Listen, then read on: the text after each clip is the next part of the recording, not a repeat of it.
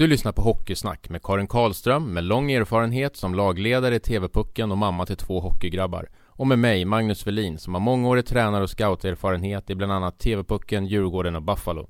I den här podden snackar vi om hockey på ett annorlunda sätt med intressanta gäster och ämnen. Podden sponsras av Athletic Work.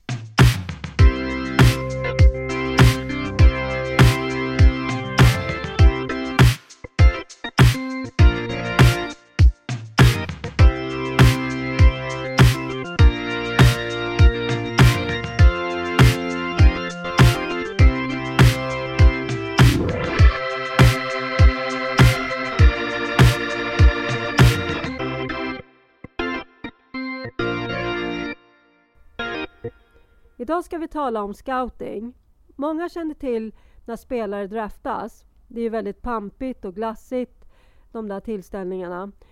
Men vad många inte känner till det är att de som arbetar runt den här cirkusen, bland annat scouter, att de har en otroligt stor roll i den här, hela den här processen runt i förarbetet.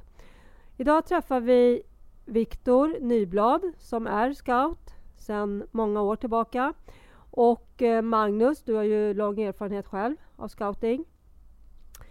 Och vi kommer då få en inblick i, eh, i din vardag och hur du arbetar med i din roll som, som scout. Så varmt välkommen Viktor. Tack så mycket, kul att vara här. Vem är Viktor?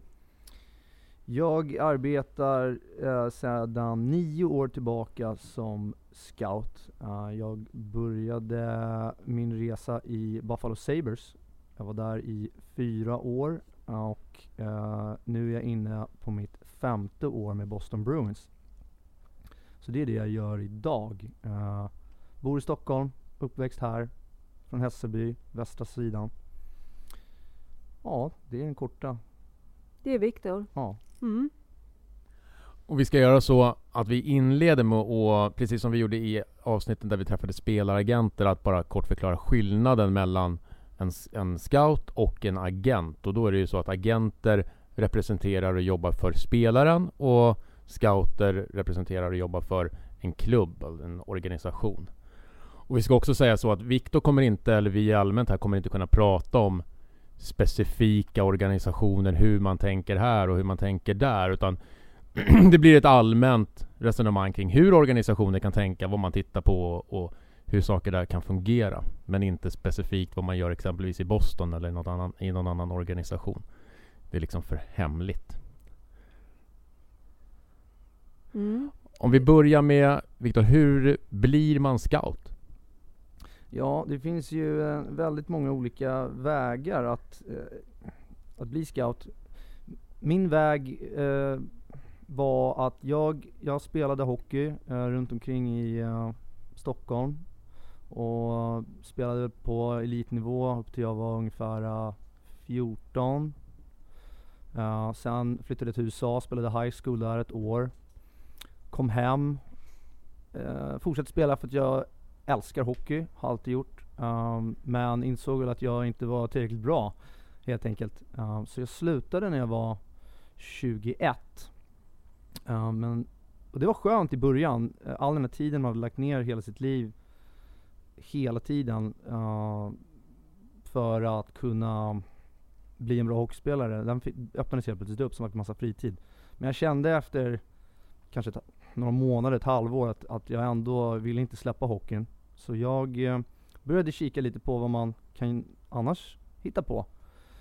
Så då började jag tänka lite vad jag, vad jag ville bli. Uh, om jag ville, skulle jag bli scout eller agent eller tränare eller eh, liknande. Men jag, jag, fastnade lite för scoutingen. Jag har alltid tyckt att det är intressant med att analysera runt omkring hockeyspelare och eh, vad som ligger bakom de riktigt skickliga lirarna.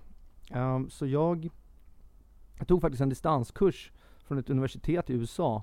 Uh, där, som handlade om scouting och, och typ hur en sportchef arbetar och sådär. Sen examensarbetet så skulle man göra en intervju med en um, sportchef. Så då träffade jag dåvarande sportchefen i Djurgården, Janne Järlefelt. Eh, och av en ren slump när jag var där så var även eh, chefscouten för Boston Bruins där, Sven-Åke Svensson. Så vi introducerades för varandra.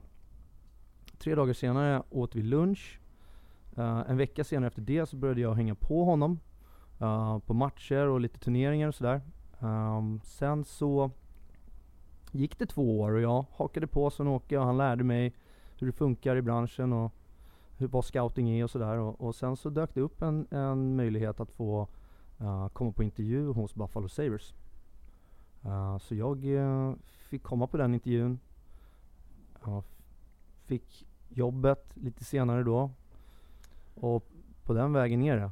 Det är min väg. Ja, men det finns vä väldigt många olika vägar. Ja, men, men om man pratar liksom kriterier och sådär så att ha spelat hockey själv någon gång på någon typ av nivå är ju givetvis en förutsättning, tror jag. Det måste man ha. Ja, jag tror det. Alltså mm. det, är, det händer saker på isen uh, som är svåra att läsa sig till eller titta sig till. Um, så, sen behöver man inte ha varit NHL-proffs, liksom. Utan eh, det, jag har ju aldrig spelat på en särskilt superhög nivå. Um, sen, sen är det mycket det här uh, nätverka, skaffa kontakter i branschen. Um, det, jag hade ju inga kontakter, alltså noll. Uh, jag, hade, jag sökte upp det här själv och uh, kom i kontakt med Sven-Åke Svensson. Um, så det är ju en, en, bra sätt och jag brukar ge det tipset att ut i rinkarna, kolla på matcher om, om man nu vill bli scout och inte ha massa kontakter redan. Ut i rinkarna, kolla på matcher, för dina egna anteckningar, gör dina egna rankinglistor. Till slut så kommer folk undra vem du är och uh, ja, och så till slut lär du känna folket i branschen och med tålamod och sådär så kan man förhoppningsvis landa ett jobb en vacker dag. Um, jag, jag, tror inte det finns någon liksom utstakad väg. Så här gör man för att bli scout. Utan det är det finns många olika vägar och många olika historier om hur folk har blivit scouter. Um, många av dem har ju uh, gedigna hockeybakgrunder med NHL-karriärer, uh, eh, landslagskarriärer, uh, tränarkarriärer på liksom hög nivå. Uh, och vissa är, är som mig. Men du nämnde, du nämnde det här förståelsen för sportchefsarbetet. Är det viktigt? Att man förstår hur en sportchef agerar och verkar? Um, det tror jag eh, inte är en nödvändighet, men det skadar inte. Alltså när du väl kommer in eh, i branschen så, så får du förståelse för det ganska fort. Mm. Uh, sen har, ska inte jag sitta här och säga att jag vet hur, hur, hur man arbetar som sportchef eller sådär, men, men lite förståelse har man nog. Men det får man på vägen. Mm. Men det är absolut ingen förutsättning, tror jag inte. Det är, jag tror inte. De, de, om vi pratar egenskaper hos en scout så är det ju så är det ju först och främst att ha en åsikt om spelare, stå upp för den åsikten.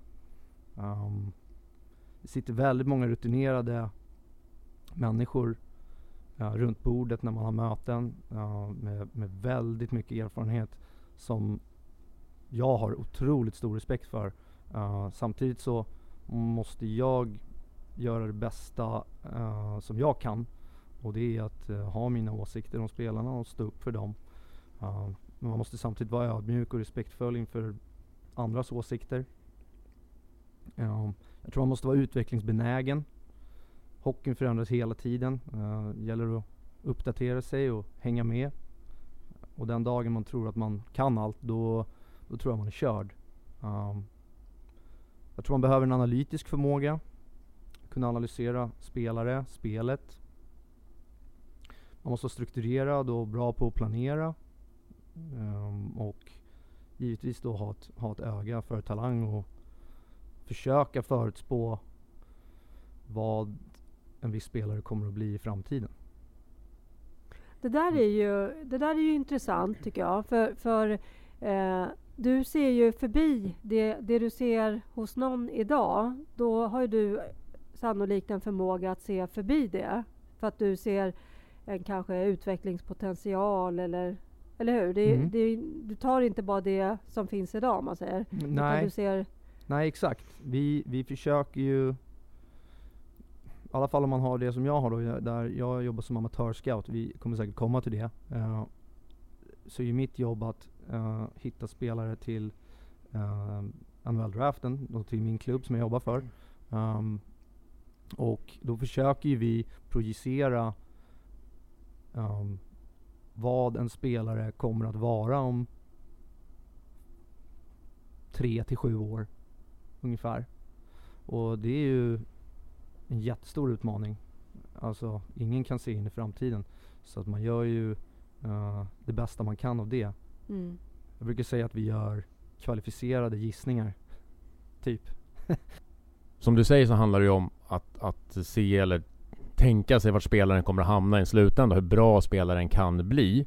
Och då tänker jag också att erfarenheten känner jag själv också att det spelar jättestor roll för hur trygg också man kan känna sig i sina åsikter man har om, om vad man tror att spelaren kommer att hamna någonstans. För då tänker jag att du, när ditt första år jämfört med vad du är idag, så har ju du sett en himla massa spelare vara i den här draftåldern runt 18-årsåldern. Eh, och var de var Alltså de spelare som idag är i NHL eller som kanske har slutat, kanske spelar Allsvenskan eller SHL. Och hur såg de ut när de var draftålder? Och när du började så hade du ju inte sett så många sådana. Hur tänker du där? Jag tror att det är som, som precis som du säger Magnus, att, att erfarenheten, precis som med allt man gör, eh, ger något. Och, och framförallt här, det är, eh, alltså mina första år så var man ju, jag, jag visste ju inte. Absolut inte. Och det vet jag inte än idag.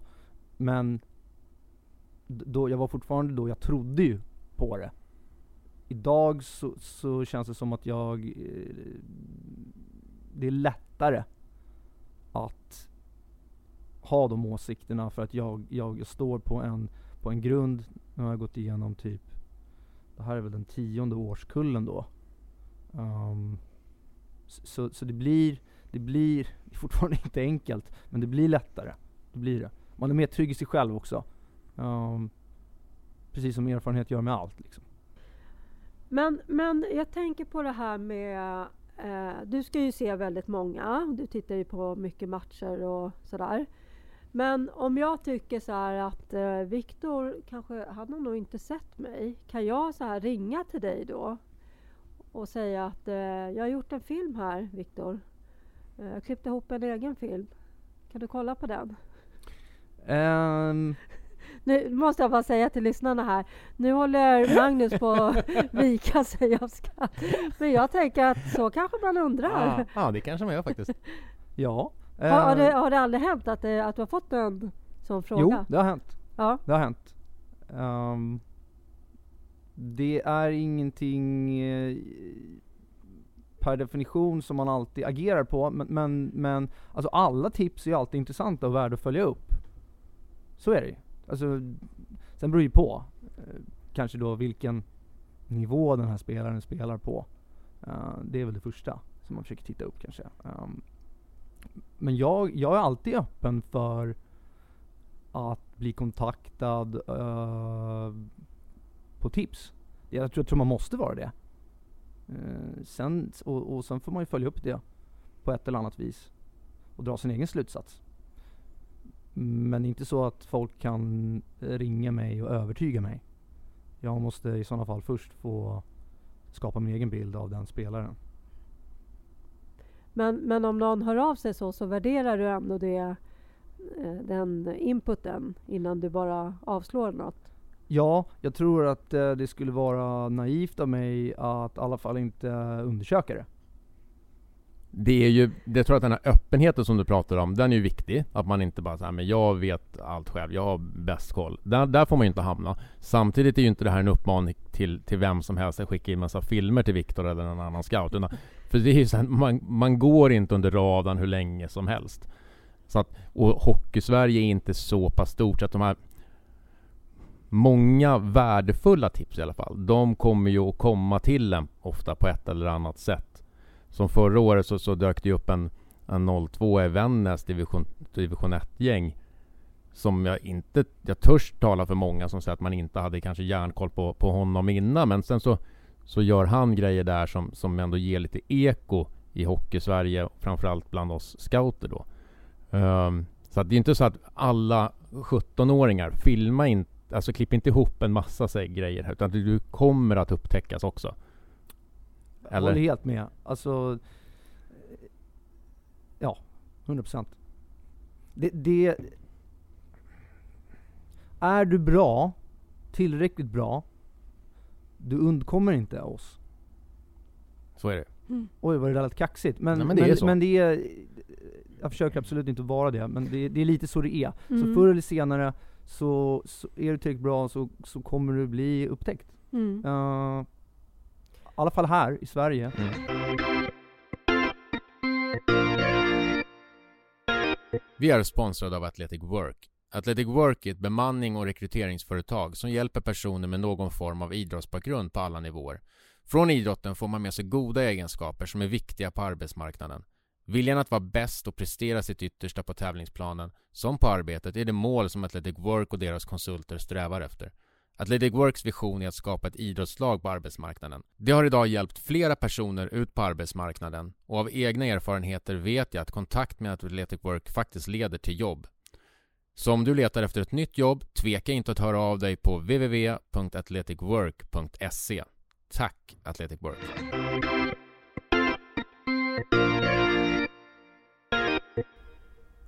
Om vi går till organisationerna, alltså klubbarna borta i NHL. Bara ge oss en ganska kort bild av hur en organisation är uppbyggd utan att så här, grotta ner sig i varenda detalj kring varje roll eller grupp som finns. Men bara en överblick över hur en organisation ser ut.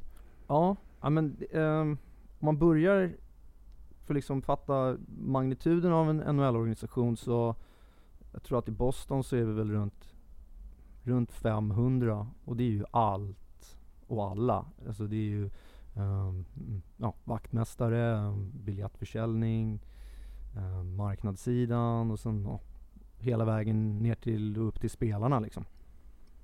Ja, men, men hockeyn i NHL är ju, det är oftast en affärsverksamhetssida och en hockeysida. Eh, jag tillhör ju hockeysidan då. Och kanske det mest intressanta här just nu. Ja, exakt, exakt. Så, så att du börjar ju, du, du, du har liksom en, en, en, en president. Han är på något sätt eh, kopplingen mellan business och hockey. Um, sen har du en general manager. General managern sköter ju liksom, han är ju spindeln i nätet eh, på hockeysidan. Uh, sköter ju det mesta egentligen. Uh, Är han VD om vi tänker oss ett vanligt företag? ja, det skulle jag nog säga. Mm. Sen har du ju president då, det, det är liksom det, jag vet inte vad man skulle jämföra det med då, men det kanske är typ styrelseordföranden då. Om vi Mm. tänker ett aktiebolag, hur det är strukturerat, så skulle man, skulle man kunna säga att general manager är VDn. Sen har du oftast eh, några assistant general managers. Eh, vad de gör, deras arbetsbeskrivning är lite olika från klubb till klubb. Um, men eh, de skulle väl gå under titeln vice VD då kanske. Sen har du videoavdelning, de håller på med video, Du har en statistikavdelning. Uh, sen har du developmentavdelningen. De jobbar med utveckling av de unga spelarna och även NHL-spelarna såklart. Uh, sen har du scoutingverksamheten. Det är den jag jobbar för. Uh, och sen har du ju spelarna. Uh, så så ser det ut. Och sen inom Inom scoutingavdelningen då så har du ju även olika titlar där och olika arbetsbeskrivningar och roller. Först har du chefsscouten, eller chefsscouterna. Det är lite olika från klubb till klubb. Vissa har flera, vissa har en. Um, de är precis som det låter. De reser över hela världen och tittar på de intressanta spelarna. Sen har du oftast en Europachef, om vi pratar Europa då. Uh, som är chef för Europa, helt enkelt, kort och gott. Sen har du crossover scouts. ehm, det är de som, vad ska man kalla dem för då? Uh, en typ av mellanchefer. Det är väl rimligt kanske. Mm. De, de eh, ger support till cheferna eh, överallt i hela världen också. De har inte liksom regioner på det sättet utan de, de, de åker överallt där de behövs. Sen har du de regionala scouterna. Där är väl eh, jag. Uh, jag jobbar i hela Europa då. Sen finns det ju även de lite mera, alltså regionala scouter kan ju vara lite olika också. Det finns ju de som, om vi pratar Sverige då, så finns det ju uh, du är ju regional scout även om du uh, också arbetar endast i Sverige liksom. Så det är lite olika. Här i Europa så är ja, det är lite olika från klubb till klubb. Kan du berätta någonting om... Eh, du, det, man får en känsla av att det här är ganska hierarkiskt, hela strukturen. Hur funkar det då om eh, du har hittat Pelle eh, och så har, har du din Europa-scout-kollega. Hur, eh, hur, kommer ni, hur hittar ni fram eller hittar en väg tillsammans? Vem, vilka det är ni ska skicka iväg? Ja, alltså, för det första har vi ju en väldigt tät dialog hela tiden och pratar med varandra om spelare konstant. Uh, men rent, rent krasst om, om jag skulle hitta en spelare då, säg för första gången, då jag skriver ju en, till att börja med en rapport på honom. Uh, och den, den, läser ju mina chefer. Uh, och sen så tar man det därifrån. Mm. Så allt sker i, i samförstånd och dialog? Ja, exakt. Alltså allting kvalitetssäkras kan man säga. Du nämnde för en stund sedan om det här med, eller vi pratade ju om olika, att man kan vara regional scout och crossover scout och chefscout och sådär. hur kan ett scoutjobb skilja sig åt i Sverige då? För jag var ju, som du nämnde tidigare, regionscout här och då jobbade jag ju bara inom citationstecken i Sverige medan du är ute mer i Europa. Mm. Kan du förklara lite mer hur skillnader kan, hur det kan vara? Liksom? Ja men absolut. Um, scouting består av i alla fall inom NHL då så står det, består det av två olika delar när det kommer till spelarscouting. Och det är ju Pro Scouting och Amateur Scouting. Uh, Pro Scouting är uh, lite mer eh, scoutande av Free Agents. Uh, det vill säga spelare som är för gamla för att draftas. men som fortfarande man kan skriva ett kontrakt med det är den sidan, så då är det ju mycket, det är ju proffs egentligen. De är ju redan proffs. Um, amatörscoutingen är alla spelare som kan draftas. Och det är det jag är. Um, sen finns det de som jobbar bara med amateur, som jag gör. Det finns de som bara jobbar med pro och det finns de som gör både och. Sen uh, kan man ju då, som du nämnde Magnus, man kan ju vara en en, en scout eh, som endast har Sverige, eller som endast har Finland, eller som endast har Tjeckien, eller Ryssland. Och sen så kan man ha dem som har som reser runt hela Europa och tittar på spelare från alla länder. Eh, och det gör jag.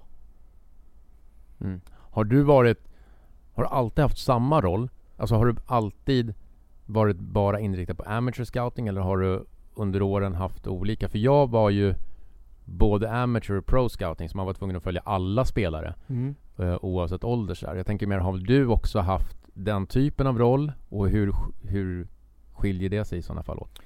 Jag har, uh, jag har haft Jag hade en säsong i, uh, när jag jobbade på Buffalo där jag gjorde både och. Uh, men annars så har det varit uh, strikt liksom mm. amateur. Om du då jämför den säsongen med de här andra säsongerna du har haft amateur, bara, hur, på vilket sätt blev det annorlunda? Förutom att du såklart behöver se fler spelare. För det första tror jag att det, att det var, eh, för mig då, så var jag alldeles för oerfaren för att kunna avgöra ifall en free agent skulle spela, kunna spela i NHL eller inte. Mm. Um, det är nummer ett. Mm. Nummer två är att det var väldigt mycket svårare att planera sin tid. Uh, och vad man skulle prioritera. Mm. För ofta krockar det. Det spelas liksom på, på helger framförallt. skulle man prioritera unga spelarna eller skulle man prioritera pro-spelarna? Mm. Så, så att, uh, det var väl utmaningen med det. Um, men annars så... 90% av mitt jobb hittills har ju varit amateur. Liksom. Mm. Det där känner jag igen som du säger, att just prioriteringen är ju svår. Och för min del blev det mer så att kanske huvudfokus blev på, på draftbara spelare och att när man ändå ser dem så ser man också de andra. Så att man åkte mer runt och jagade, om man ska säga så, de, de draftbara och på köpet fick man se uh, free agents egentligen. Mm. Lite grann så, även fast man ibland kanske får rikta in sig också såklart vissa matcher och perioder på, på vissa spelare som är free agents också. Men att hinna se alla sådär är inte lätt att få ihop alltså. Nej, nej det är tufft. Uh, vi kommer säkert komma in på det också lite senare sen. Uh, det är just det där med prioriteringen. Tufft. Mm, ja det är det. Men om vi ska gå till hur en vanlig vecka ser ut då? Jag vet att veckor, de skiljer sig lite grann åt såklart. I vissa, vissa veckor så reser man mer och vissa veckor så kanske man har fler matcher i närheten av där man bor. Och ibland är man utomlands så. Men för att få en, bara en bild av en, en vanlig vecka för dig, hur ser en sån ut?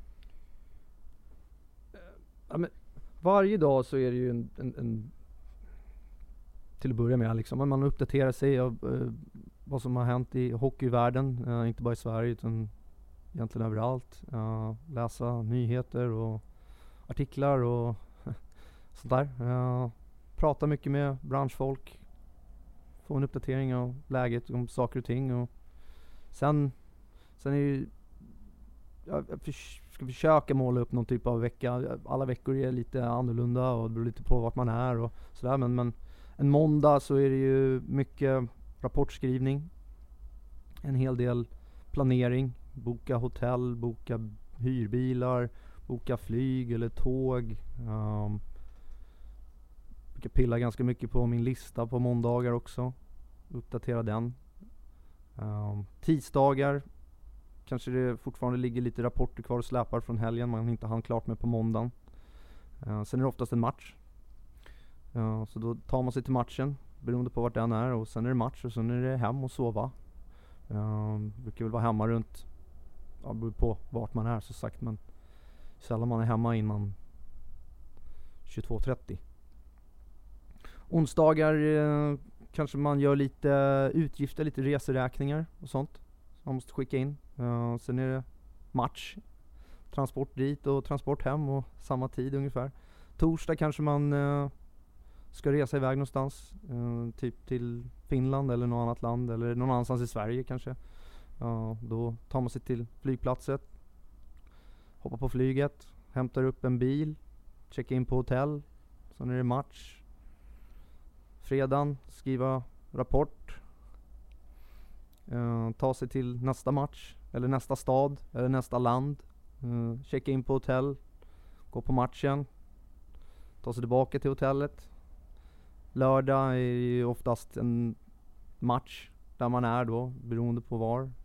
Söndag match. det är mycket matcher det är så här, Man kan säga Men att det är matcher, tisdag till söndag blev min erfarenhet att då är, kan man säga att det var matcher och så fick man ha, kanske försöka någon ledig dag i veckan sådär, eller åtminstone ledig dag blir det ju inte ändå, man har ingen ledig dag men en kväll där man i alla fall, som är matchfri kan man säga. Ja, alltså måndagar är det ju eh, svårt att titta på matcher för det spelas inga matcher. Nej, vissa allsvenska matcher. ja, vissa, I Sverige är det någon enstaka mm. allsvenska matcher där och, och ibland i, i eh, i vissa andra länder så spelas det någon så här enstaka match. Men generellt sett är ju måndagar spelfritt. Uh, och så, att, så att det brukar vara en dag att liksom hinna med och rensa undan mm. annat arbete. Uh, för sen under veckan så reser man väldigt mycket och försöker ha fokus på spelarna och matcherna. Och, ja, så att sen på på söndagen då när matchen är klar, det brukar ju vara lite tidigare på söndagar, någon gång på eftermiddagen sådär, då, då, beroende på var man är och beroende hur, hur det är tajmat med eh, resetransportmedel och sånt där så antingen så flyger man hem eller åker hem med bil eller tåg eller vad man nu är och sen eller så flyger man hem på måndagen. Kommer man hem runt, brukar vara ett morgonflyg på måndagen och så kommer man hem runt lunch och så fortsätter man med det där. Um, sen, sen en vanlig dag är ju liksom, alltså vi jobbar ju kan man ju säga då som du var inne på lite det är ju egentligen sju dagar i veckan. Säkert mellan 60 och 80 timmar i veckan i perioder. Så är det så åtta, under hela säsongen egentligen. Alltså typ åtta månader om året. Åtta och en halv. Och sen eh, spelas det ingen hockey och då får man tid att eh, planera inför nästa säsong och kanske vara lite ledig också. kan man behöva. Mm.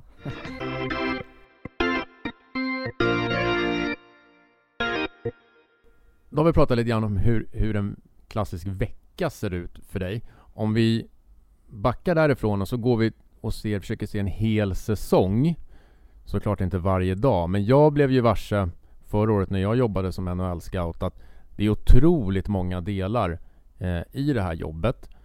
Eh, och vissa saker kommer lite mer under vissa perioder kanske och vissa saker är det ju varje vecka, och kanske med, till och med varje dag. Eh, hur, ser, hur, hur upplever du en sån här process från, det sträcker sig ändå från augusti till juni kan man säga. Vilka olika delar finns det liksom? Ja. Um, till att börja med så, så, är det ju mycket planering. Planering är nog, planering och resandet är nog majoriteten av vårt jobb. Uh, skulle jag säga. Jag brukar planera mellan fyra till sex veckor i taget. Där jag bokar transporter, jag bokar boende, Se till att man reser smart, uh, maximera täckning av spelare. Uh, så fungerar tidsplaneringen, synkar allting, um, sådana här saker. Sen kommer budgeteringen då. Ska man försöka jämföra de olika transport och boendekostnaderna mot varandra och hur kommer jag liksom mest kostnadseffektivt iväg för att se de här spelarna. Sen är det ju resandet då och det är ju en stor del av jobbet, alla timmar hemifrån. Uh, I bilar, på flyg, på tåg, på hotell. Uh, sen börjar ju, det är liksom de här runt omkring då. Sen kommer ju till den själva delen i vad som händer när vi ser spelare då. Och då, då brukar det börja säsongen med att identifiera. Då ska man maximera täckning av alla lag och ligor. Um, helt enkelt identifiera talangerna, se så många som möjligt. Sen kommer analysdelen. Och det är den del av arbetet som människor utifrån oftast ser. När vi sitter på läktaren och analyserar och skriver och tar anteckningar och hela den biten. Uh, och efter jag har sett en match och, med en spelare och då ska det rapporteras om den spelaren. Uh, då blir det så kallade matchrapporter där spelarna bedöms på olika punkter utan att gå in allt för djupt i vad de punkterna är då. uh, Men det gör du liksom på kvällen då, efter varje det, det, ja, det, det, där är olika. Eh, okay. Jag vet att det finns de som gör det eh, i periodpauserna. Alltså period till period. Jag vet att det finns de som gör det direkt efter matchen samma kväll. Jag personligen vill gärna sova på saken. Men det är så jag fungerar. Och, och alla har ju sina sätt hur de eh, bäst eh, kan förmedla någonting. Och i mitt fall så gillar jag att suga lite på karamellen och göra det, det första jag gör när jag går upp morgonen efter en match. Så man får ja, men, reflektera lite. Um.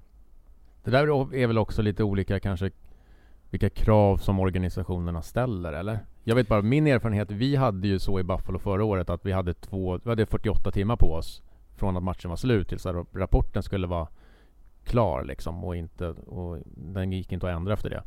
Så att jag gjorde också så att jag sov på det och så skrev jag det dagen efter och sen lät jag den ligga för att kanske fundera lite till och så läste jag igenom ja, liksom dag två kan man säga då. Även fast det är skönt. Det ska liksom in massa andra saker i rapporten också, mer så generella saker, så laguppställningar och hur, så hur matchen i sig kanske var så. Det kanske också skiljer sig från organisationer i och för sig, men det tyckte jag var skönt ibland att göra som du säger, i en periodpaus eller direkt efter matchen är slut, bara för att ha kommit liksom en liten bit på vägen och sådär. Men ni får men det att låta som eh, den här rapporten, att den är väldigt sådär eh, viktig Eh, vilket ja. den kanske är. Men ja, den är superviktig. Absolut. Det är men, men, jag tänker, är det inte så här, har man inget utrymme att ompröva en uppfattning om man, om man har sagt så här att Pelle och så har man skrivit eh, de här eh, kvalifikationerna eller vad man nu anser att ja. han har. Eh, kan man inte, det är väl inte ristat i sten för att ni har skickat in den rapporten? Eller? nej, absolut inte. Eh, det är ju därför man gör återbesök av spelare. Um, Alltså varje gång du ser Pelle så skriver du en rapport på Pelle. Och Mm. den, då kan du ju se andra saker och tycka annorlunda såklart än vad du gjorde förra rapporten. Ja, Men man vill ju att rapporten man skickar in ska vara så bra som den kan vara.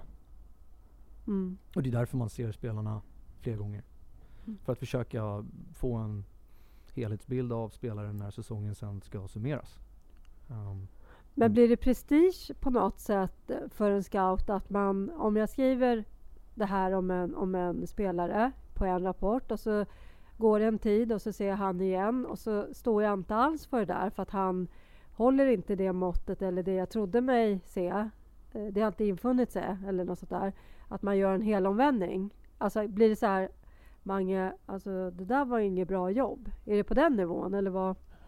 Jag blev snarare intutad att jag ska våga ändra åsikter om saker och sådär. Sen kanske inte, man svänger ju inte kanske från, från, ja, från den ena ytterligheten till den andra från match till match. Men att, men att min bild av en spelare och vad jag tycker och tror om den spelaren i framtiden förändras över tid.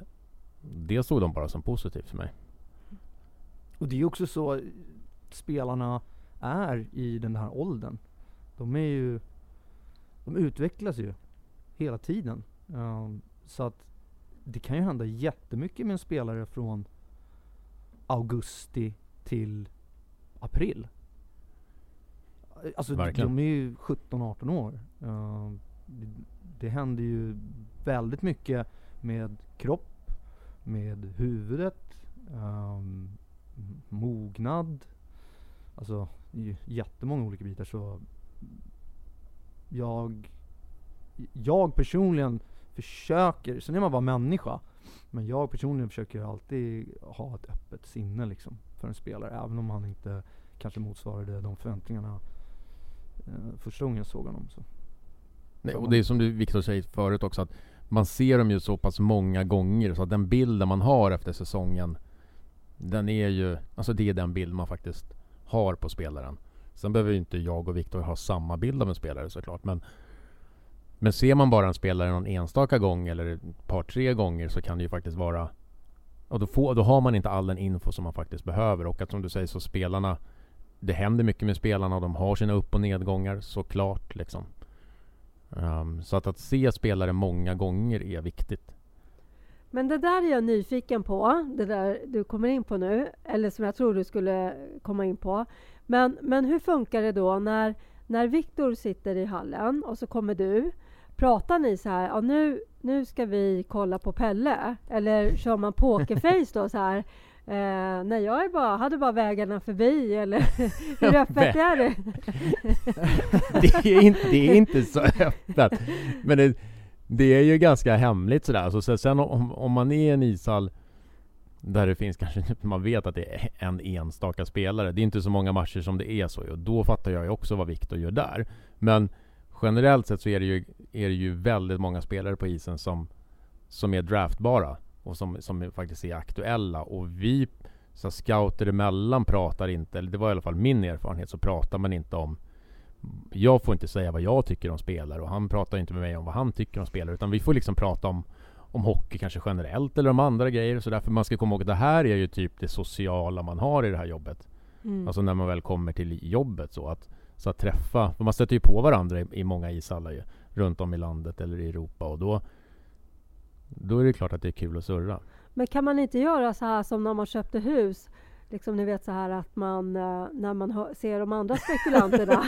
alltså gud vilket dåligt område. Har du hört vilket dåligt område det är? att man pratar så. Ja, Viktor kör det igen. Ja, exakt, exakt. Jag, eh, jag brukar lägga ut små minor lite här och lite där.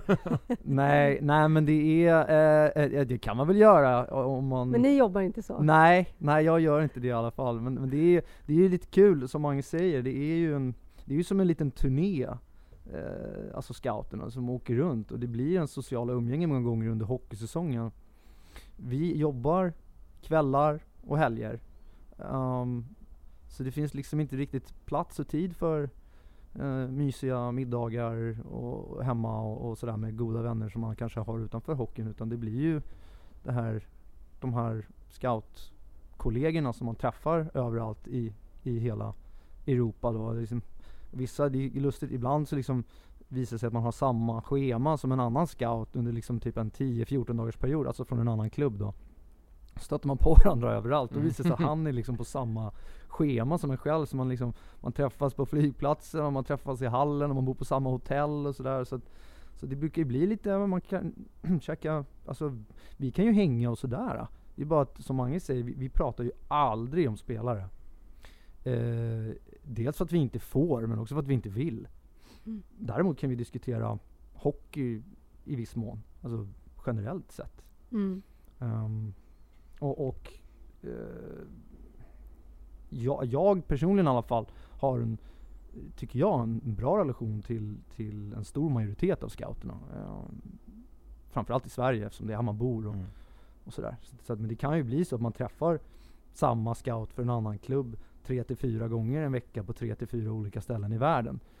Och, och det, det blir lite konstigt då till slut om man inte liksom morsar på varandra och kanske pratar lite. Framförallt Mm. om man är liksom i någon liten rink i östra Tjeckien liksom och så är det någon annan där som man ändå du vet, har från samma land och själv, alltså det är ju väldigt mycket ensamt i det här jobbet. Man reser ju Mm. inte ihop. Det är ju, man är ju själv. Ni är ju som ett eget skrå liksom, så Mm. att det, jag kan förstå att det blir... Ja, Men, men en annan sak som eh, jag tänkte du skulle berätta lite om, det är det här med hur, hur kvalitetssäkrar dina chefer att, att du håller en bra nivå? Att din lägsta nivå är bra? Ja, alltså det är väl precis, tråkigt svar, men det är väl egentligen som i alla andra branscher. Uh, levererar jag resultat? Eh, är jag rätt ute i mina analyser? Sköter jag mitt jobb? Tillför jag något? Uh, passar jag in i gruppen? Men det är inte så här att du har eh, du ska ha minst en numerär och så har man en siffra på det som ska bli draftade inom en treårsperiod? Att det är ett nej, eh, jag har mätetal? inte, nej. Nej, okej. Väldigt Nej. eh, Ja, men det är väl så. Det är ju också, man bestämmer ju liksom inte helt själv. Viktor kan ju ha jättemånga svenska spelare som han, som han promotar och tror på och som det sen visar sig också bli jättebra NHL-spelare. Men det kan ju falla sig så i draften att man inte, det är liksom inte det är inte vår tur nu så då tar någon annan den spelaren. Så att då kan ju man ju gå från ett år utan att ha en enda svensk fast du, fast du egentligen har gjort ett jättejobb ju. Så det är svårt att ha det som ett kriterie sådär. Mm. Ja, alltså utan att, utan att gå in på för mycket detaljer i draften och hur den fungerar liksom, så är det ju ehm, Den är komplex. Det är ganska mycket bitar som ska falla på plats för att rätt spelare ska vara där vid rätt Mm. tidpunkt. Exakt. Ehm, vi kan ju liksom inte bara välja de spelarna vi vill ha. Alltså, alltså typ jag och Magnus. För att Nej, det men är det ju spelare jag. i alla andra länder och andra, jag menar du har Nordamerika och både USA och Kanada där borta och så det är ju det är ju, man, man får ju tyvärr då inte cherrypicka, man får ju liksom inte plocka de spelarna man önskar utan de ska ju finnas där när det är dags att välja och sådär så det är ju ehm, Men det kan jag förstå, för det är ju strukturen så som det är. Liksom att man inte vet vem som har första val och sådär. Men, men jag tänker mer om man isolerar det till den organisationen man är eh, och vad man, vad man som individ levererar. Så vill man veta så här, liksom Magnus, hur träffsäker är du i dina analyser? Mm. Eh, Absolut. Och det, det säger ju, då tänker jag om det finns något så här nyckeltal på eh, de här grejerna vill vi eh, liksom se att du eh, får att lira. Det Alltså inte är. enkla svaret är, det enkla svaret är ju att på sikt så bör du ju leverera spelare till NHL. Ja, Gör du inte det så kommer du inte ha jobbet kvar till slut. Nej, det tycker jag är ett bra svar. För Mm. annars blir det så här, nej men det räcker att man är glad och trevlig Nej. så har man ett eh, jobb. Ja, Nej, det, är svår, det... Men, men det svåra är ju också bara att det går ju inte att säga här och nu om Viktors tankar om, om spelare var rätt eller inte. Utan det tar ju några år innan man vet var faktiskt spelaren hamnade och hur bra spelaren blev. Så att det, det går ju... Så då behöver man ju hålla på, men nu har ju du gjort det ett tag. Så då kan man ju såklart gå tillbaka och titta på dina gamla listor som du gjorde för, för fem år sedan och se så, ja, men vad blev det de här spelarna som, som, som Viktor tyckte så här om? Mm. Så idag finns det ett sånt svar. Så jag, men jag tänker mer bara så att under säsong, och då är vi ju också inne på det här när vi pratar om processen, att man har en, en, en, eh, kontinuerlig dialog med sina chefer och där de också då de läser ju Viktors rapporter. Uh, allting som han skriver. Uh, så anteckningar om spelare, men att de också har en muntlig dialog där man pratar om, om spelare och om, ja, om allt möjligt. Och där, om de, då vill ju de känna att de får all den informationen som de kan få om spelare från Viktor. Ja, ja exakt. Och, det, och det, jag tänkte komma in lite på det också. Alltså efter vi har varit på matcherna och, och och, och, skrivit de här matchrapporterna där vi bedömer spelarna på olika punkter um, så, så gör vi ju en rankinglista. Uh, där varje scout har en rankinglista över, över sitt eller sina områden uh, som uppdateras kontinuerligt. Så, så den, den det är ju på något sätt liksom, det är där det kokas ner.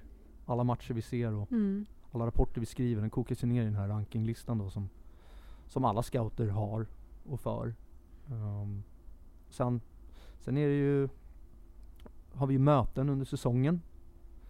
Um, det brukar vara ett, alltså vi har ju möten hela tiden liksom från månad till månad, vecka till vecka. Men alltså där liksom alla samlas och där vi verkligen diskuterar liksom spelarna. Och det brukar ju vara ett stort möte runt, runt jul och nyår. Alltså antingen typ innan mitten av december eller så är det början på januari. Det, så är det nog för alla klubbar. Um, sen har man möten i maj, oftast när säsongen är slut. Um, och alla de här mötena ska man väl nämna kanske brukar pågå ungefär i fem dagar. Och då sitter man väldigt många timmar varje dag. Och då är det ju alla scouter från hela världen, inklusive alla chefer och sådär. Liksom. Så, att, um, så det, då, då har man möte i maj då igen, då när säsongen är slut. Och sen så har man ju då draften. Och då har man ju möten hela veckan som leder upp till draften. Så att där hamras det ju ut väldigt mycket. Mm. Um, I vad, vad jag tycker, vad mina kollegor tycker. Um, och vad till slut då syvende och sist vad, vad klubben tycker. Um, sen är det ju mycket ja, research och intervjuer av spelare och sådär. Du har ju den här uh, combinen varje år som NHL arrangerar för, för spelare då. Um, där man får, vi vet ju vad de, vi känner dem ju på isen men vi vill ju även lära känna dem vid sidan av. Uh, och sen kommer ju själva draftet då, eller draften, där evenemanget där alla NHL-klubbar tingar rättigheterna till unga spelare. Mm. Så det är väl någonstans liksom själva processen, de olika delarna i arbetet. Mm. Det är ju en, en del utav den här processen som du nämner när vi pratar om, om all information man kan få om spelare. Det märkte jag också att det är ju väldigt mycket av, om, vi ska, om vi ska hela den till den administrativa delen kanske då, men det är ju jätte, man ska träffa alla spelare som man är intresserad av oavsett om det leder till att man har med dem på en lista eller inte så här, men så att man får ett, ett möte med spelaren och, och kanske får lite, lite någon känsla för hur den är som person och ställa lite frågor och sådär och gräva ordentligt i de här spelarna också. Prata med, med alla typer av ledare som kanske finns runt den här spelaren idag. Kanske prata med gamla tidigare ledare som de har haft, tränare. Uh, för att få en så, så, stor och samlad bild som möjligt. Och allt det här ska ju sen, eller vart eftersom, alltså, vart eftersom man, man gör de här intervjuerna eller mötena så ska det in i det här systemet, datasystemet så att alla kan läsa de här grejerna. Allt sånt där tar ju jäkligt mycket tid alltså. Um, så det upplevde jag var en stor del utav av jobbet under säsong sådär. Det är lite mer än att bara käka korv på läktaren. Ja, det är det. Eh, det är det. Alltså jag, jag, jag, jag tror att jag, jag brukar... Alltså varje rapport, eller varje match ska jag säga, varje match som jag är på um, är ju i snitt mellan fyra till sex timmars arbete. Ungefär. Med, med då rapportskrivning, kanske transport dit och hem, um, själva matchen i sig och Sådär, så det är ju... Och så ser man då mellan... Ja, det är lite olika från säsong till säsong var turneringarna, de internationella turneringarna faller in och sådär. Men, men man ser ändå mellan 180 och 200 matcher om året kanske. Eh, och varje match är ungefär 4 till 6 timmar då.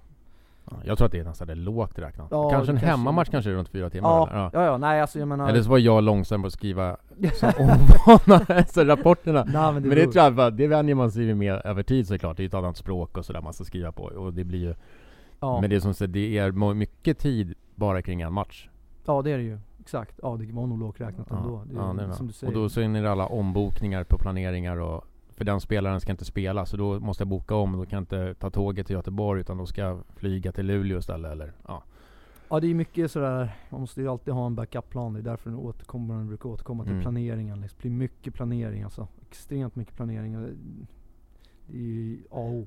Man tar alltid ombokningsbar biljett då det eller? gör man Ja det gör man. Ja. Det, Det är läge att göra det, det, det är det absolut. Det, det måste man göra. För man åker på sådana där, hela, ja, ofta under säsongen gör man ju det. Spelare som blir sjuka, eller spelare som blir skadade, eller eh, framförallt i Europa då, spelare som flyttas upp mellan olika lag, eller blir helt plötsligt utlånade. I Sverige är det ju vanligt att de, att de kanske hoppar mellan J20 och A-lag eller, eller ehm, om de spelar i SHL redan så att de blir utlånade till Allsvenskan på några matcher hit och dit och då gäller det att hänga med i svängarna så man inte bara dyker upp där som ett fån. Och så har man spenderat massa pengar i, i onödan och får man inte se spelaren. Mm.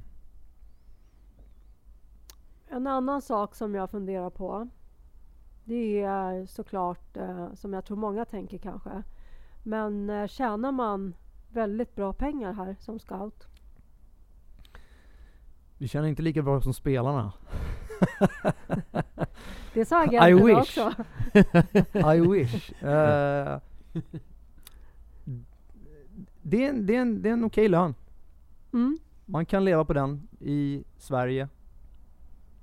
mm, Mer än så, var- Uttömmande var Karin ja. ja. ja. Om du skulle ge några goda råd till, eh, till unga spelare och föräldrar, skulle, vad skulle det vara? Till föräldrar, stötta, stötta, stötta. Lägger inte i för mycket. Sätt inte press. Um, till spelarna, se till att ha kul. Det är så otroligt klyschigt men det är så otroligt sant också. Alltså, tycker man saker och ting är tråkigt så blir saker jobbigt och hindrar utveckling. Tycker man saker är kul så blir det knappt jobbigt om man lägger ner mer tid och energi utan att det märks. Ja, det skulle nog vara mitt tips. En annan sak som också säkert är väldigt svårt för er att svara på. Men eh, vad är det man tittar på då? På, um, för kvalifikationer? Alltså vad som bedö- vad scouter bedömer, alltså Ja, vad man tittar precis. på på spelarna så ja. Här förstår jag Viktor att du inte kan så prata om, nu är vi ju där vi pratade om i början, att vi kan inte prata om vad Viktor kan inte säga vad, vad som är viktigt för Boston och jag kan inte eh, säga vad, vad som var viktigt för Buffalo. Men, man kan ju prata rent allmänt i alla fall Viktor om det, eller? Mm. Ja, ja, gud ja. Alltså, som sagt, jag kan inte tala för andra scouter och, och inte för mycket heller vad vi, vad vi tittar på i min klubb eller vad andra klubbar tittar på. Men för mig är det, för mig är det summan av en spelares färdigheter som avgör. Det ena behöver inte utesluta det andra. En, svaghet kan kompenseras av en styrka, eh, till exempel. Och, och sedan, har, sedan har jag givetvis egenskaper som jag värderar högre än andra. Men eh, de får jag tyvärr inte prata om. Mm. Nej, men det är ju Det är klart att det är så att man tittar ju på, det gör ju alla, tittar ju på skridskoåkning och på spelsinne och på skills och på karaktär på isen som man ser hur, hur jobbet görs, skott, ja, you name it. Det är liksom, det är, där är det inga hemligheter egentligen. Det är ju det man tittar på. Sen så handlar det om att man ska, ska se vad, vad blir det här i, i framtiden? Och det är ju det som är det intressanta. Eh, och Hur kanske det som jag tycker är det svåraste med det. Jag tänker statistik då. Hur mycket väger den in? Statistik är, är precis som mycket annat här som jag varit inne på. Det är, en- det är en del av pusslet. Eh, ja, det är, en del, det är en del. Jag kan inte heller säga så mycket, tyvärr så mycket där heller. Nej, men man kan Ja. väl säga så pass mycket då att Man kan inte så övervärdera statistik, men statistik säger ju någonting också. Um, såklart, och ibland kan det väl handla om kanske att man gör någon analys av Finns det någon anledning till att den här spelaren kanske inte gör så många poäng som man tycker att den borde göra och så vidare och sådär. Men ja, som Viktor säger så är det ju en del av pusslet och som man analyserar. Det, ja exakt, det, det, är mer än den, det är mer än den klassiska statistikdragen med det där. Det är mer än den klassiska statistikraden med liksom ja, mål, assist, plus minus och de här klassiska. Det, det är ju um, betydligt mycket um, djupare än så. Um, jag jag eh, bryr mig inte om en spelare var med i TV-pucken. Jag bryr mig inte vad han gjorde i TV-pucken. Uh, hur mycket poäng han gjorde i TV-pucken. Det är för mig fullständigt ovidkommande. Um, för att återigen, det är så otroligt unga människor man har att göra med. Vad de gjorde när de var 14, 15, uh, liksom 13. Det är för mig helt ointressant. Jag bryr mig, jag bryr mig om vad de kommer bli i framtiden. Flera, alltså när de är vuxna. Och eh, i mitt fall då, vi får börja drafta dem det året de fyller 18. Eh, och då försöker man göra en så bra analys som möjligt där och då. Um, men statistiken är, det, den är knepig. Jag förstår att det är många som sitter där på de olika statistiktjänsterna som finns och tittar runt och har sig. Det ger, det ger um, statistiken är absolut inte oviktig men, men det, det, är en, det är en del av pusslet. Mm. Det är många, många mer bitar än det. Alltså jag, jag skulle aldrig i hela mitt liv uh, liksom uh, rekommendera en spelare bara på grund av statistiken. Det är mycket annat där också. Men du säger att det är många delar i, i eh, rollen. Vad, vad skulle du säga är det svåraste då? Svåraste med jobbet, kort och gott, det är att leverera spelare som kommer ha en karriär i Boston Bruins. Mm. det, är, det är det korta svaret. Um, alltså det, du menar, det, det är svårt att se eller så just den här projiceringen som du pratar om. Så här, vad blir den här spelaren när han är som bäst? Hur bra är han då? Se in uh, i eh, spåkulan och Ja, för det är ju det, det det handlar om. Det är det det handlar om och det är det som är det svåra. Um, men ska man detaljera det lite mer så tycker jag väl att det är svårt. Det svåraste är att identifiera ifall spelaren har det inre drivet eller inte precis som det låter så kommer ju drivet inifrån en person. Och det, det är ju en punkt som är svår att definiera till och med för personen själv. Inte minst när man är cirka 18 år gammal. Um. Och alla kommer säga, om du frågar om du har ett inre driv och pushar dig själv så säger ju alla att de gör det. Exakt. Men alla har ju faktiskt inte det där på riktigt, riktigt. Och det är, uh, den är otroligt svår att komma åt. För vet man inte ens om det själv så är det ju svårt för någon annan att veta om man har eller inte. mm. Nej, det är sant. Så, så det man kan säga då kanske är den största utmaningen i, i ditt jobb, är det då att eh, dels se förbi den här kvalificerade statistiken och försöka göra din egna bild av vad utvecklingspotentialen kan, kan ligga. Men också det här uh, förstå det uppriktiga engagemanget hos individen, hur uppriktigt det är. Ja, absolut. Det är väl delar av det. Det, det är ju... Um, jag försöker liksom förstå, när, när jag, statistiken, när jag, när jag försöker titta på statistiken så försöker jag ju förstå vad det är som gör att den här spelaren har den statistiken den har. Alltså, det är väl ett enkelt svar mm. på mm. den. Liksom, mm. Statistiken i sig talar aldrig för sig själv. Det är ett bra svar. Mm. Ja, och eh, om, om, um, om du får frågan, det här med scout. Jag skulle, skulle vilja bli scout. Vad säger du då? Är det något du tipsar om eller? Om man älskar ishockey, eh, som, som jag gör och som vi gör här runt omkring bordet, uh, och som många som gör som lyssnar på det här, så absolut. Eh, det, för mig är det ett drömyrke och jag är tacksam varje dag att jag får jobba med det här som jag gör. Det har varit liksom mitt liv sedan jag var typ fem år gammal. Och idag är jag 32. Så att det är liksom min stora, stora passion i livet. Så har man det, absolut. Sen ska man bara vara medveten om att det, det kommer ju till ett visst pris.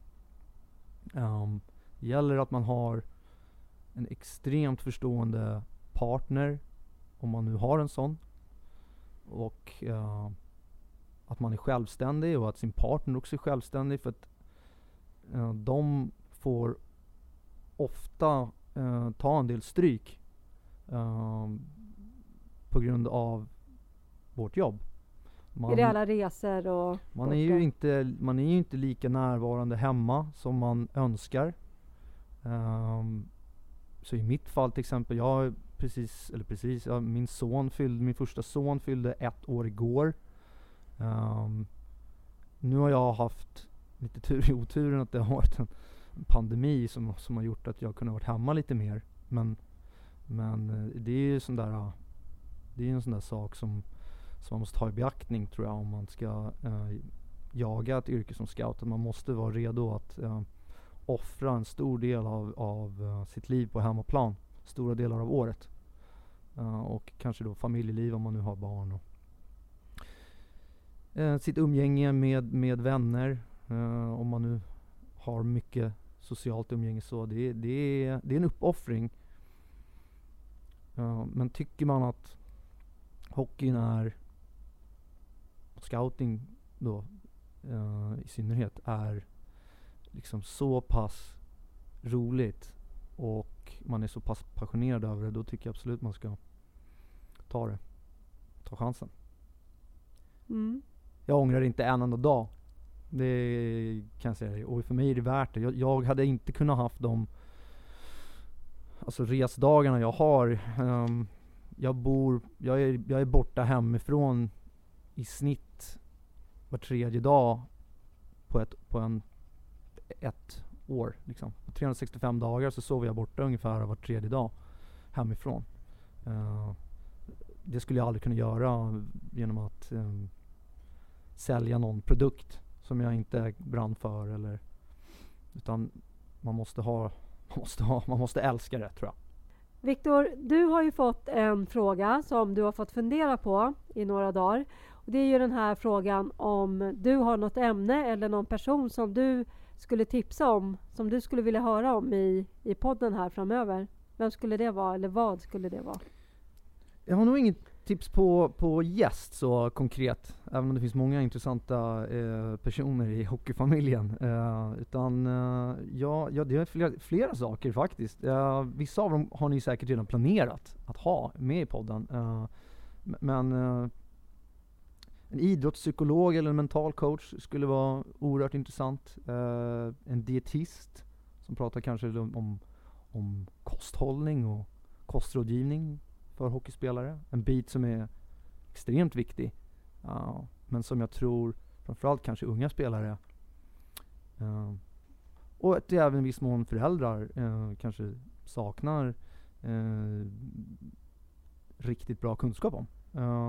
Och sen en personlig tränare vore ju kul att höra också. En som, som är nischad på, på hockeyspelare. Liksom. Sådana finns det ju en uppsjö av. Vore också intressant att höra uh, om. Mm. Bra. Tack för bra tips Viktor. Och stort tack för att du ville komma hit till oss här idag och prata om vad kanske åtminstone du och jag tycker är världens bästa yrke. Och som vi vet att det är många där ute som ändå har funderingar kring vad det faktiskt innebär och vi hoppas att vi har gett en bild utav det. Eh, så tack till dig och stort tack till alla er som har lyssnat. Stort tack för att jag fick komma. I nästa avsnitt, som släpps den 29 april, träffar vi Hockeyallsvenskans VD Gabriel Monidell. Med honom pratar vi bland annat om hur de jobbar för att skapa sin egen identitet. Vad menar de egentligen med att de är Sveriges mest underhållande liga?